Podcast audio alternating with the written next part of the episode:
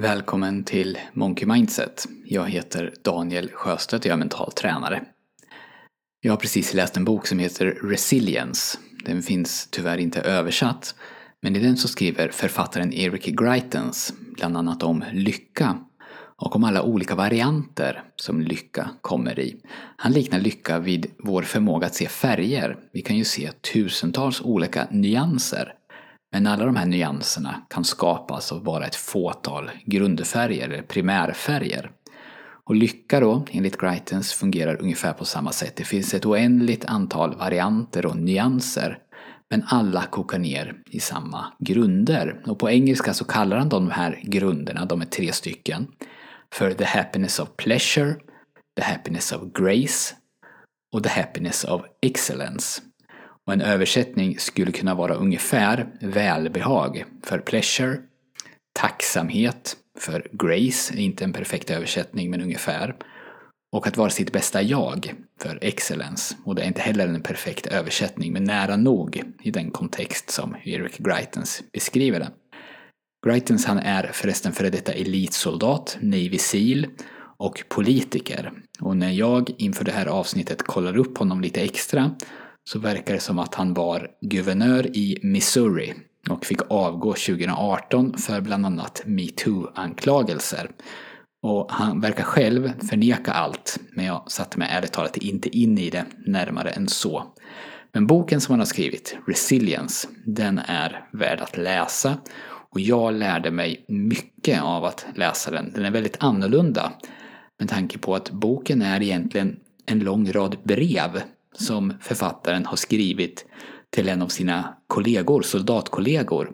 Och den här soldatkollegan heter Walker och han har skrivit breven i syfte att hjälpa Walker att komma tillbaka till livet efter en lång rad personliga problem. Och boken påminner mig mycket om en annan bok, Sen och konsten att sköta en motorcykel av Robert Pirsig. Det är en superklassiker. Och om du har läst den och tycker om den så tror jag att du kommer att tycka om Resilience. Men i alla fall, Greatens han argumenterar för att vi behöver alla tre typerna av lycka för att känna riktig tillfredsställelse. Och han reflekterar över varför så mycket i samhället bara handlar om den första sorten, the happiness of pleasure. Varför strävar vi i så stor utsträckning efter att få saker utan att behöva anstränga oss? Vi letar ofta efter den enklaste lösningen, den enklaste träningsformen. Vi vill att andra ska underhålla oss hellre än att vi underhåller oss själva. Vi vill ha värde utan att behöva ge upp någonting värdefullt i gengäld. Och vi vill, om vi ska påbörja något eller testa något, att det ska gå så smärtfritt som möjligt. Och vi vill ofta också veta i förväg exakt vad vi får innan vi är beredda att betala något pris och helst utan någon som helst smärta. Och här kommer ett av mina favoritstycken ur boken. Översättningen kanske är lite tafflig, den är min egen. Men Eric Greitens skriver så här. När vi skyddar människor från smärta, när vi inte ger dem möjligheten att misslyckas, så tar vi ifrån dem möjligheten att känna verklig tillfredsställelse. Vi är gjorda för att arbeta med meningsfulla saker.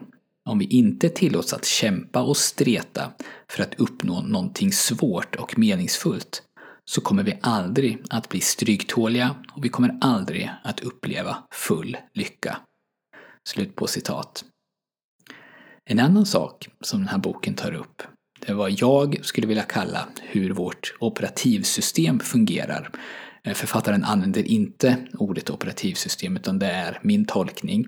Men i ett av breven till Walker så funderar han på hur läkarna pratar med Walker. De frågar hur han mår, hur känner han sig idag? Och Walker han svarar idag mår jag bra, nu mår jag lite sämre, det kändes bra igår men nu känns det inte alls lika bra. Eller i morse kändes det bra, sen kändes det dåligt och nu känns det okej. Okay. Och så där håller det på hela tiden. Hur Walker känner sig är mycket viktigt. Både för Walker och för de som behandlar honom. Hur han känner sig styr vad han kan göra och det styr vad som kan förväntas av honom. Och i det här operativsystemet som många av oss har, alltså sättet vi fungerar på, så kommer oftast känslor först. Vad vi känner styr vad vi gör, våra handlingar. Om vi inte känner för det så är risken stor att det inte blir gjort. Och vad vi gör, våra handlingar och våra beteenden, styr sen vem vi blir, vår identitet. Så vårt operativsystem ser då ut så här. Först kommer känslor och det leder till beteenden och det leder till identitet. Greitens, han säger skriv om det där, byt ordning, gå från ett känslor, två beteenden och tre identitet till ett identitet, två beteenden och tre känslor. Låt din identitet bestämma dina beteenden och låt sedan dina beteenden skapa dina känslor. Var inte en sån som bara gör det du vill när du känner för det. Då lever du, eller du riskerar i alla fall att leva, i en ständig strävan efter den första sortens lycka. Och bara den, the happiness of pleasure. Ta istället reda på vem du vill bli och agera utifrån den identiteten. Många av oss vi utgår ju från att känslor driver beteenden. Men beteenden driver i lika stor, om inte större grad, känslor. Så istället för att vänta på rätt känslor så kan vi skapa rätt känslor genom rätt beteenden. Så bry dig inte om huruvida du känner för det eller ej. Var inte fångad i dina känslor. Bestäm vem du är och agera i enlighet med den identiteten. Oavsett om du känner för det eller ej. Och det kommer sannolikt att innebära en hel del smärta och det kommer att innebära att du misslyckas ibland. Men det kommer också att innebära att du gör det du har bestämt är meningsfullt. Att du ger dig själv chansen att uppfylla din potential och att du lever ett liv som är mer komplett med tanke på de här tre olika smakerna av lycka då, som Eric Greitens identifierade. Så din uppgift, om du vill ha en uppgift till nästa vecka, det är att fundera på det här operativsystemet. Känsla till beteende till identitet och se om det stämmer in på dig.